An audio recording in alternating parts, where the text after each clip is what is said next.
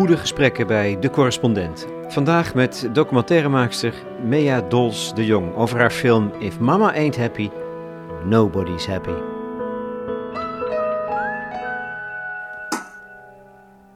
Oké, mam, wat we gaan doen is... We gaan even een telefoongesprek nadoen. Dus dat heb ik voor je uitgetypt.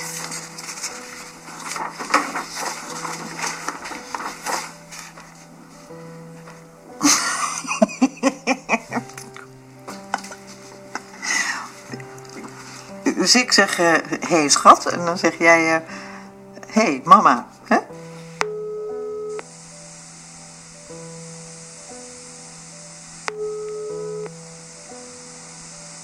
Hé hey, schat. Nee, gewoon, zo zeg je dat niet. Ja, hé hey, schat, zeg ik. Nee, ja, zo zeg je het. Nee, maar gewoon even serieus. Hé hey, schat. Nee, zo zeg je dat niet. Denk even aan... Schat? Alsof je me echt aan de telefoon hebt, oké? Schat. Hé hey, man. Hoe gaat het met je film? Ja, kloten. Ik begin een beetje te denken dat vrouwenemancipatie in Nederland niet meer zo nodig is. Wat? Je gaat, je gaat zo snel. We zijn aan het telefoneren. Moet je, je moet het een beetje rustig doen. Weet je wat ik dacht? Als je een film over zelfstandige vrouwen wil maken... misschien moet je dan een film over onze familie maken. Hoezo? Nou, uh, er zijn zo'n vier generaties vrouwen voor jou... die het allemaal zonder man hebben gedaan. Dat is toch een leuke film? Dat is geen film, dat is echt een kut idee.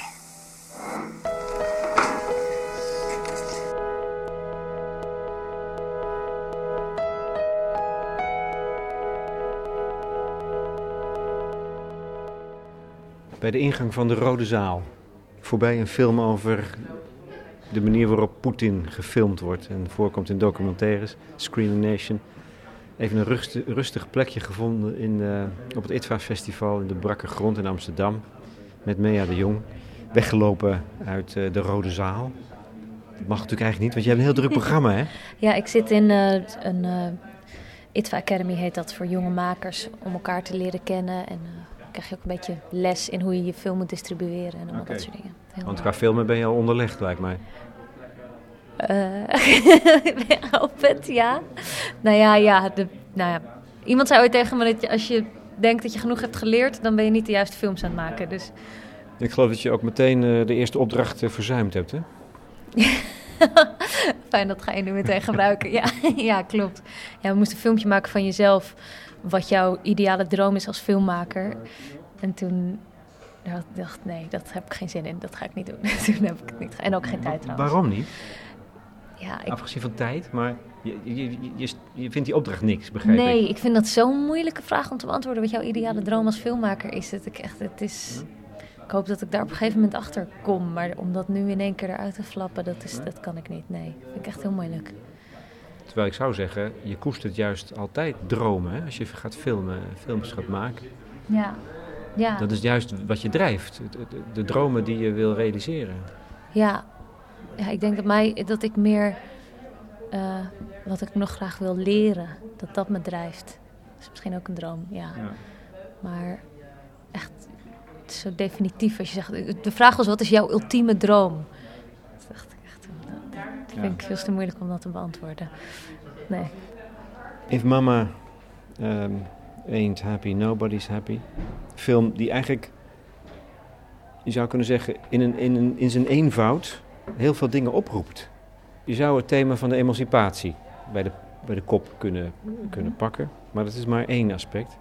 Ergens zeg je van nou, die emancipatie die is eigenlijk wel klaar. Maar dan ben ik geneigd om eraan toe te voegen, dan wordt het nu tijd om de wonden te gaan likken. Mm.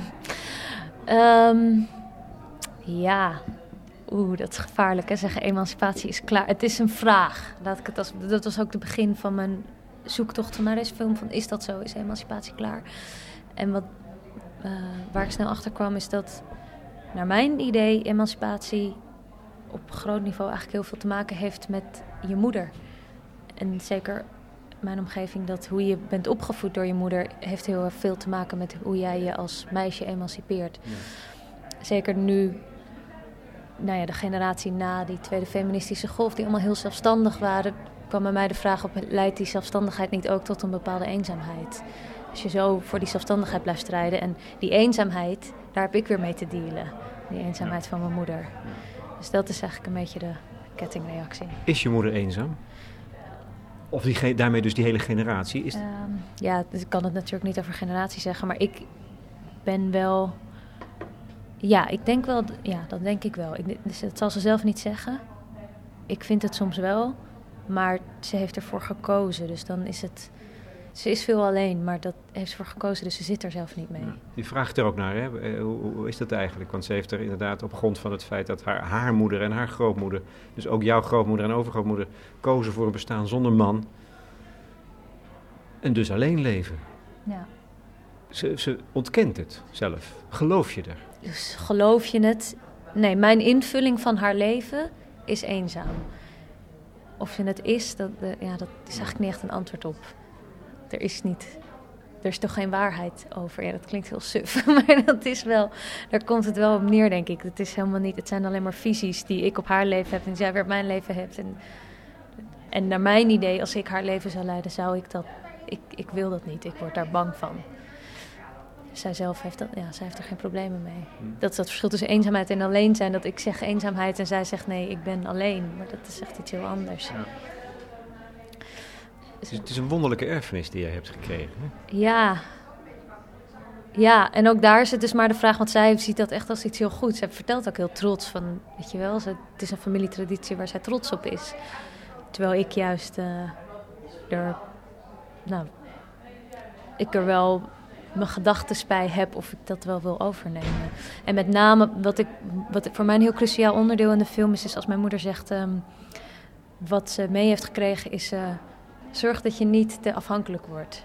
Te kwetsbaar wordt, dat zegt ze. Sorry, eigen Ze zegt: zorg dat je niet te kwetsbaar wordt. Dat is voor mij, vind ik dat een hele belangrijke zin, omdat dat zijn voor mij de kantjes van het brood afsnijden. Dat is juist wat ik niet wil overnemen en waarvan ik geloof, ja, maar daar ga je fout, want je moet juist wel kwetsbaar kunnen zijn.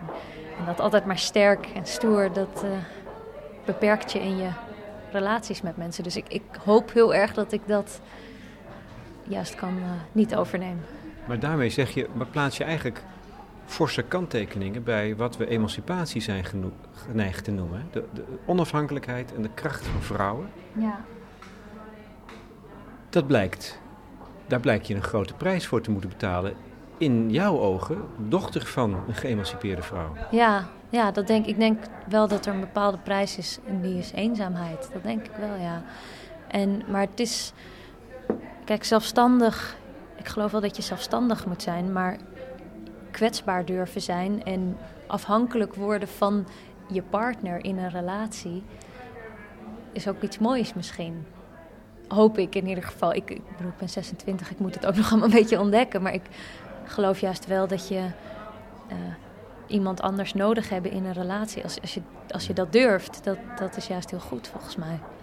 Weet je wat zo raar is? Ik heb eh, mijn generatie, ik ben iets ouder dan jij, daarvan heb ik me altijd eh, gerealiseerd dat we ons ongelooflijk veel met onze ouders hebben bezig gehouden. Je wil niet weten hoeveel gesprekken wij voerden met vrienden over onze en elkaars ouders. En dan dat ze het niet goed deden? Of wat, wat, wat voor gesprekken? Ja, dat we het. Precies de last die wij hadden van de manier hoe zij geweest waren en hoe zij ons hadden grootgebracht. Daar hadden wij last van. Zo voelde dat. En daar was je mhm. kwaad over of dat probeerde je uit te vechten of je je kon er geen gesprek over voeren van alles. En ik denk, jouw generatie heeft een hele andere verstandhouding. Namelijk veel meer een vriendschappelijke verstandhouding. Maar dat is misschien niet zo. Nou ja, of dat is juist heel ingewikkeld. Misschien nog wel ingewikkelder daardoor. Ja. Toch, want het afzetten... Vertel eens hoe, waarom, hoe, je, hoe je dat dan ervaart. Nou ja, omdat je... Um, ja, heel simpel gezegd, omdat je denk ik je eigen wereld wil creëren. En vrienden zijn met je ouders kan best wel verwarrend zijn voor je eigen identiteitsontwikkeling. Ja. Ik weet niet of ik het zo generaliserend mag zeggen hoor, maar dat... dat hoe, hoe, hoe, jij het ervaren is misschien makkelijker dan. Nou ja, ik ben er wel lang mee bezig geweest met na te denken. Met eerst dacht ik, alles wat mijn ouders zeggen is waar. Dat denk je natuurlijk in het begin. En omdat alles mag en alles kan, op ge- ja, ik, ik vond het best wel lastig om te ontdekken wat nou mijn eigen waarden zijn en waar ik het niet met hen eens ben. Juist omdat je zo'n vriendschappelijke verhouding hebt. Weet je, als je ouders gelovig zijn en jij bent niet gelovig, dan is het een hele duidelijke grens van tot hier en niet verder. En ik vond die wel moeilijk om te ontdekken. En wanneer begon dat dan? Ja. Ja, ja, met mijn vader wel eerder, maar met mijn moeder is dat eigenlijk best wel laat pas begonnen. Eigenlijk echt pas, ik denk rond mijn 22ste of zo. Daarvoor was ik best wel, was het allemaal heel gemoedelijk. Dus, ja, en dat merk ik wel bij meerdere uh, meisjes van mijn leeftijd, dat, dat je eigenlijk pas later een beetje tegen je moeder gaat keren. Ik weet niet of... Ja, als de puberteit al lang achter de rug is. Ja, eigenlijk wel. Ja, tijdens mijn puberteit was ik eigenlijk poeslief tegen mijn moeder. Ik was heel verwend tegen alle leraren en tegen iedereen, maar tegen mijn moeder, daar was ik echt, dat was allemaal goed. Dat is eigenlijk pas later gekomen. Dat heeft je moeder ook slim gedaan?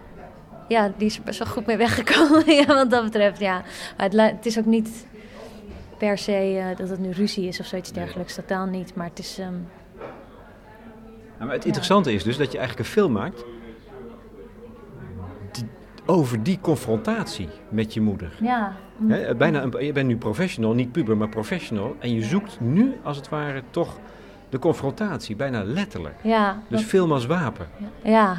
Nou ja, dat is ook... Ik ben nog dat ik begon met het filmplan en ik me eigenlijk een beetje schaamde. Omdat ik dacht, had ik dit niet al lang moeten uitzoeken toen ik 16 was inderdaad. Weet je wel, is dit echt nog iets wat ik nu nog... Maar het is iets wat zo erg wat ik zo graag wilde uiten en waar ik zo graag iets over wilde vertellen. En dat gevoel wat ik zelf niet eens helemaal echt kan plaatsen, maar dat loslaten van je ouders. Ik vind dat echt een wonderbaarlijk proces waar zoveel bij komt kijken. En dus toen dacht ik, nou, ik ga het toch gewoon doen. En het is best wel verbazend hoeveel mensen dat toch herkennen. En ook, helemaal, ook ouder dan dat ik ben. Dat men, mannen van 40 het ook nog steeds herkennen, weet je. Dus toen dacht ik wel, oh ja, het is eigenlijk... Misschien is het wel helemaal niet iets van je puberteit, maar gaat dat gewoon altijd wel door dat losmaken. Ik denk wel dat het vooral herkenbaar is voor mensen die de film zien, mensen die zelf ook gescheiden ouders hebben. Ja.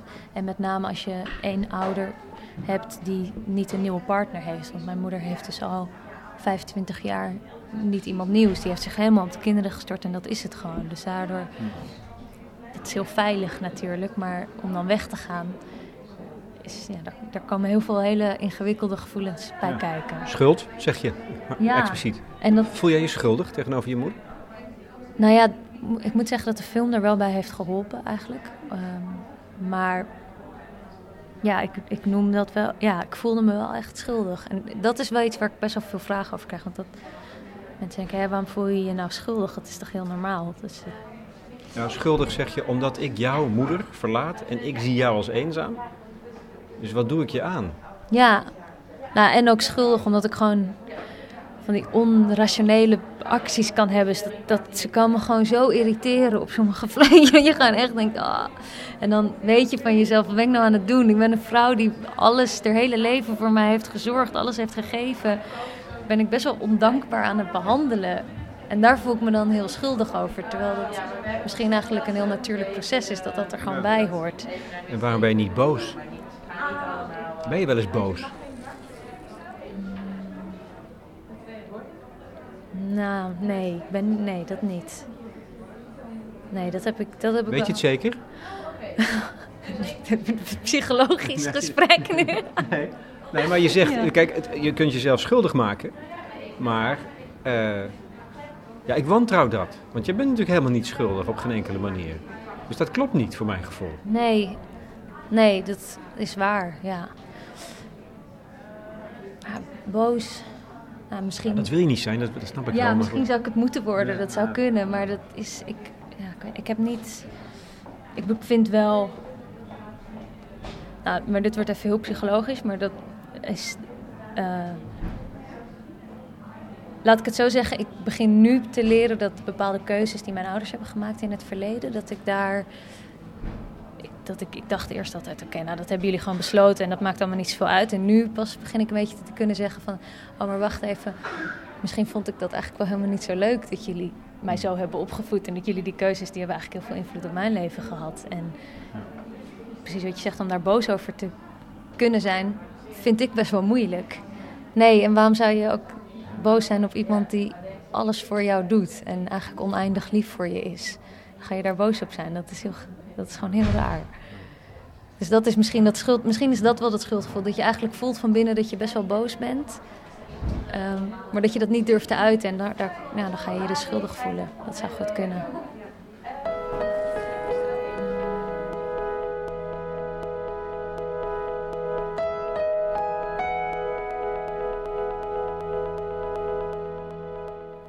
Um, Oké, nou het verhaal gaat over een dochter die naar haar moeder toe gaat en vraagt aan haar moeder: waarom snij je altijd de kantjes van het brood eraf? En dan zegt die moeder: dat weet ik eigenlijk niet. Dat deed mijn moeder ook altijd. Dan gaat die moeder gaan naar haar moeder toe om hetzelfde te vragen: van waarom snij je altijd de kantjes van het brood eraf? Die moeder zegt: dat weet ik niet. Dat deed mijn moeder ook altijd. Vervolgens gaan ze met z'n allen naar de overgrootmoeder toe om te vragen: waarom sneed u eigenlijk altijd het kantje van het brood eraf? En dan zegt die moeder van doen jullie dat nog steeds? In mijn tijd bakten we het brood in de haard. En toen moesten we de kantjes ervan afsnijden omdat die zwart waren van het kool.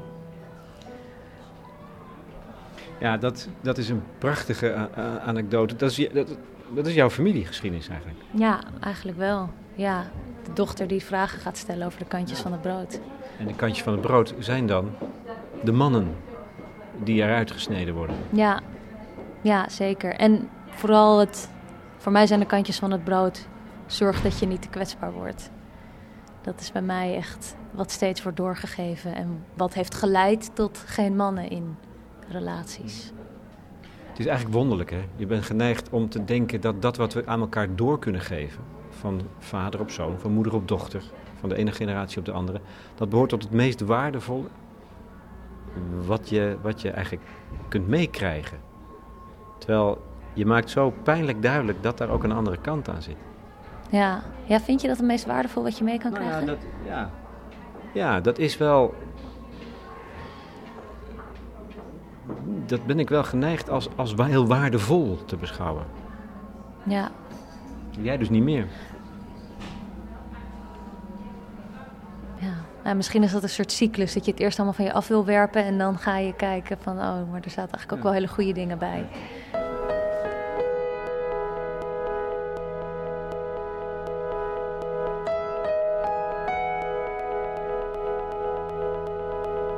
Verplaatsen ons omdat de zaal uh, open gaat. Dus dan verdwijnen we achter de gordijnen nu. Mea. In een soort uh, onbestemde ruimte waar glazen staan te wachten voor uh, receptie later. Uitkijkend op een steegje, ja. In de nes. De vaders. Je vraagt aan je moeder. Heb, je, heb, je, uh, heb jij jouw vader niet gemist? Maar eigenlijk is dat een vraag die ik natuurlijk ook aan jou moet stellen. Is nou, dat, is dat, ja. Zit dat er ook onder? Je, hè? je bent opgegroeid door een moeder die er zo bewust voor kiest om in eentje de opvoeding ter hand te nemen. Dus wat betekent dat dan eigenlijk als kind? Hè? Heb jij je vader gemist? Alle vragen die ik stel aan mijn moeder heb ik gekozen omdat dat vragen zijn die ik eigenlijk aan mezelf stel. Dus precies, heb je je vader niet gemist?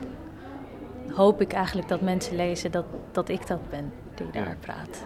Uh, en ja, tuurlijk. Ik had, als ik had kunnen kiezen, had ik liever een gelukkig gezin gehad met iedereen erbij. Ja, dat denk ik wel. Ja, en ik heb ook wel, want mijn moeder had niet een goede relatie met haar vader. En dat is bij mij niet het geval. Ik, had, ik heb wel degelijk een goede relatie met mijn vader. Er is ook wel dip in geweest, maar ja. wel toen ik klein was ook zeker. Toen was, toen was dat helemaal... Ik vond dat ook toen ik zeven was en mijn ouders gingen scheiden... heb ik dat als heel heftig ervaren dat ze gingen scheiden. En toen kwam ik er tijdens de film achter dat dat dus eigenlijk al toen ik twee was... al helemaal niet meer goed zat. En dat wist ik ook helemaal niet. Ja, ja dat was even... Dat was wel gek. Ja, want welke keuzes kan je daar maken en moet je daar maken? Het is een ego-document. Heel intiem, intiem, intimistisch. En toch moet je zorgen dat het iets blijft vertellen van algemene zeggingskracht. Dus, ja. dus wat kom je dan voor problemen tegen of vragen en, en, en wat voor keuzes maak je dan? Wat moeilijk is, is als je zelf in de film zit, is dat je uh, de laatste shot waar ik in beeld zit, die wilde ik er eigenlijk niet in hebben. Vond, dat vond ik echt vreselijk om dat te doen. Ik dacht echt, oh, dan ga ik zo. Kijk ik ook een beetje zielig. Dacht ik, oh, dan ga ik dat in de film stoppen. Dat kan toch helemaal niet. En oh, ik vond dat echt. En toen uiteindelijk werkte samen met een editor en een producenten. Die hebben me toen echt gepusht van nee, dat moet er echt in. Uh, dus toen heb ik het besloten, uiteindelijk wel besloten om dat erin te doen. En daar raakte ik wel... Uh, dat is wel even moeilijk om dan goed regisseur te blijven. Van maak ik nou de goede beslissingen? Omdat je ook het is niet je eigen ijdelheid, maar het is juist meer een soort van bescheidenheid die je in de weg zit. Van ik ga niet nu mezelf zo op de voorgrond neerzetten. Daar heb ik helemaal geen zin in. Of zo. En als je jezelf in een film verwerkt, moet je eigenlijk durven niet te bescheiden te zijn. Maar dat is best wel moeilijk. Dus daar, daar liep ik wel tegenaan. Ja, zelfcensuur is dat, hè? Ja, ja, eigenlijk wel. Misschien wel een van de belangrijkste vijanden is, maar als je zo'n film maakt. Ja. Het is wel knap als je, dat, als je die weet te overwinnen. Ja, ja, ja, ja. Ik heb, wat dat betreft vind ik dat andere heb ik het nog wel makkelijk gehad qua er zijn ego-documentaires die lijken me veel heftiger dan te maken dan dit. Ja dat, ja, dat denk ik wel. Waar denk je dan aan? Want heb je ook bijvoorbeeld inspirerende voorbeelden? Als het... Ja, ik heb hier één film van Ellen Berliner. Die heeft een film over zijn vader gemaakt. En die was echt, die vind ik echt gek. Dat is een grote inspiratie geweest. En ik heb hem gisteren ontmoet hier op ITVA. ik, ik zag hem en ik ben meteen naartoe gegaan. Ik zei, oh, I want to send you my film. En, dat, en nu hij gaat hopelijk dus kijken op ITVA naar mijn film. Dat zou echt gek zijn, ja. Vertel eens waarom je die film zo mooi vindt. Um, of, wat voor film is het? Ja, nou, hij interviewt zijn vader uh, over de familiegeschiedenis. En zijn vader is een heel, heel, heel mooi karakter sowieso, heel grappig. Heel eigenwijs, wil niet meewerken aan de film. Beetje tegenovergesteld van mijn moeder, want hij, weiger, hij wil gewoon eigenlijk de hele tijd weglopen uit die film. En heeft er helemaal geen zin in. En, en de discussie tussen hun twee is zo hilarisch hoe hij zijn vader in die film probeert te houden en die vader dat maar niet wil. En ja, ik weet niet, het is gewoon. En heel veel zelfspot. Ik vind dat, dat vind ik wel heel belangrijk. Als je film over jezelf maakt, dat je zelfspot blijft hebben. Want als je jezelf ook maar te serieus neemt, dat wordt heel vermoeiend om naar te kijken, vind ik. Het is een mening, niet een feit. Maar, um, en dat doet hij heel goed. Hij weet zichzelf heel goed te relativeren. Dus toen ik die film zag, toen dacht ik echt van... oh ja, weet je, je kan echt wel een film over jezelf maken die heel aangenaam is om te kijken. Dat hoeft helemaal niet zo zwaar. En dat is een beetje wat ik gewend ben van ego-documentaires. Dat je zegt, oh mijn leven is zo zwaar en het is allemaal zo erg. En dat kan heel vervelend worden. Om, uh, voor het publiek om daar naar te kijken. Best wel narcistisch of zo. Dus ik denk als je met humor dat je daar veel verder in komt. Nou, en wat ik heel erg ontdekt heb, dat was wel echt een leerzame les. Is omdat je. Ik ken mijn moeder heel goed natuurlijk. En ik had de eerste viewing van de film. En toen kwam bijna iedereen naar me toe en die zei toen van... Wat vreselijk voor je dat dat je moeder is. Wat een, wat een vreselijk mens. En allemaal dat. Dus ik schrok daar heel erg van. Ik dacht, oh. En toen besefte ik me heel erg wat voor macht je als filmmaker hebt... in hoe je iemand neerzet. Heel veel dingen die zij zei waren voor mij heel logisch... omdat ik haar karakter goed ken. Maar als je haar karakter nog niet kent, dan kan je die dingen niet goed plaatsen. Dus toen moest ik heel goed gaan nadenken van... oké, hoe ga ik haar karakter opbouwen? Wat, wat ga ik als eerst van haar laten zien? Wat is, hoe ga ik haar neerzetten? Wat vind ik eigenlijk van haar? Wat vind ik eigenlijk dat haar karakter is? Wat vind ik haar goede eigenschappen, haar slechte eigenschappen? Dat zijn vragen die ik me allemaal moest gaan afstellen. En om haar te herconstrueren in een film. En dat heeft... Ja, dat je echt zo'n personage moet opbouwen, heeft me als filmmaker heel veel geleerd, maar ook persoonlijk over mijn moeder. Dat ik echt even door publieksogen naar mijn moeder ben, heb moeten kijken. En dat is dus leerzaam? Ja, vond ik wel. Vond ik heel leerzaam. Want ik heb nu. Um, ja, dat klinkt misschien gek, maar waar wat verder van me afgeplaatst daardoor. Nou, je hebt eigenlijk met je moeder. Je hebt leren kijken naar je moeder met de ogen van een ander. Ja, eigenlijk wel, ja. En minder vanuit een dochterperspectief, maar wat meer van een afstand. En daar zit dus toch iets bevrijdends in, denk ik dan. Ja, ja zeker. Dat is echt heel erg. Ja. Ik kan het mensen best wel aanraden om een film over je moeder te maken. Ja, je moet wel durven. Ja. Heb je, heb je momenten gehad dat je niet durfde? Ik vind het nog steeds best wel eng. Hier op ITVA vind ik nog steeds dat mensen straks de film gaan zien. Ik zit elke keer als ik erin zit, zit ik nog steeds helemaal schouders omhoog getrokken en echt heel gek. Blijf, blijf het eng vinden. Omdat het ook een kijkje in jouw ziel is. Je legt eigenlijk je eigen ziel toch ook bloot. Ja, ja. En dat, ik vind het op zich niet erg om dat te vertellen aan mensen. Maar ik ben steeds heel bang dat je, ik mensen belast met een verhaal wat van mij is waar ze helemaal niet op zitten te wachten. Snap je? En dat mensen denken, waarom moet ik hier naar kijken? Dit Ja. is helemaal niet interessant of zo. Want het is niet, ik ben, het is niet een oorlog ergens in het buitenland... of iemand die iets heel bijzonders heeft meegemaakt. Dus het is best wel... Ik denk dat iedereen dit heeft.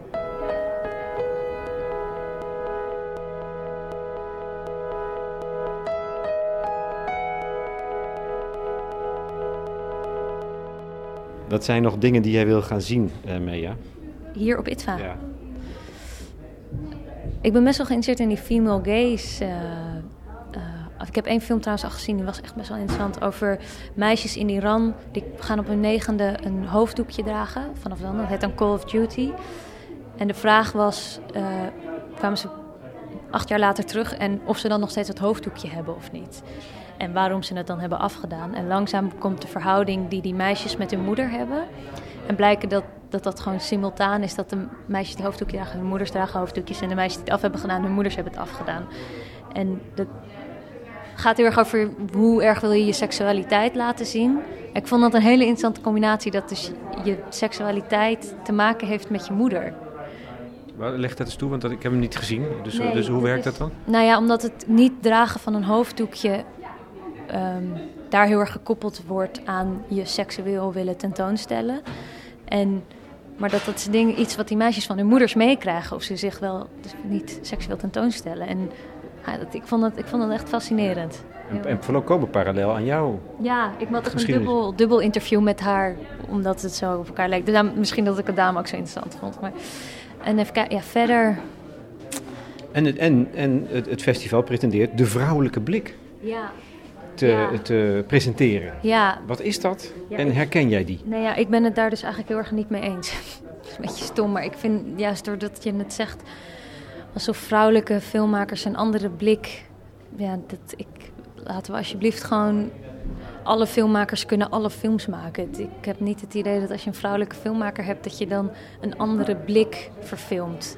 Ik zou dat... Ik hoop dat dat niet zo is in ieder geval. Dat dat gewoon... eh, dat het alle kanten op kan. Eh, nog twee dingen. Ehm, wat is nou je grote droom? Nee, dat weet ik niet. Nee. Nee, ja. Wat is je volgende film? Mijn volgende film. ehm, nee, ik werk nu voor NRC. Dat is heel leuk. En daar mag ik allemaal eh, korte videocontent voor maken. Korte documentaires. Dat is echt gek. Voor de website van de NRC. Ja, ja ze willen meer videocontent gaan maken. Net als de correspondent, weet je. Ehm, maar er staan helemaal in de kinderschoenen. Dus ik mag dat helemaal mee helpen ontwikkelen. En allemaal dat soort dingen. Dus dat is echt te gek. En waar moet het over gaan? Dat moet over het nieuws gaan? Of, of... Nee, nee juist een beetje voorbij, eh, voorbij het nieuws. Ik ben nu iets aan het ontwikkelen over eh, ja, een beetje wat nieuwe technologische ontwikkelingen voor invloed gaan hebben in de nabije toekomst op ons leven. Dus dat is wel. Daar moet je nog mee beginnen. Ja, ik heb de eerste aflevering gemaakt van zes minuten over virtual reality. Echt vind ik heel interessant. En wanneer wordt die geplaatst? Of is die al? Ja, dat weet ik, nee, dat weet ik niet. Het moet een beetje in overleg wanneer zij online. Ik denk dat ze een soort van hele grote come-out willen doen. Van, we gaan nu online meer plannen. En laatste vraag. Hou je van je moeder? Ah ja, ja, tuurlijk. Ja. En ook van mijn vader. Zeker. Ja. Daarom denk ik ook dat, film, dat ik de film kon maken. Ik denk als ik niet van haar had gehouden, dan eh, had ik dit niet kunnen maken.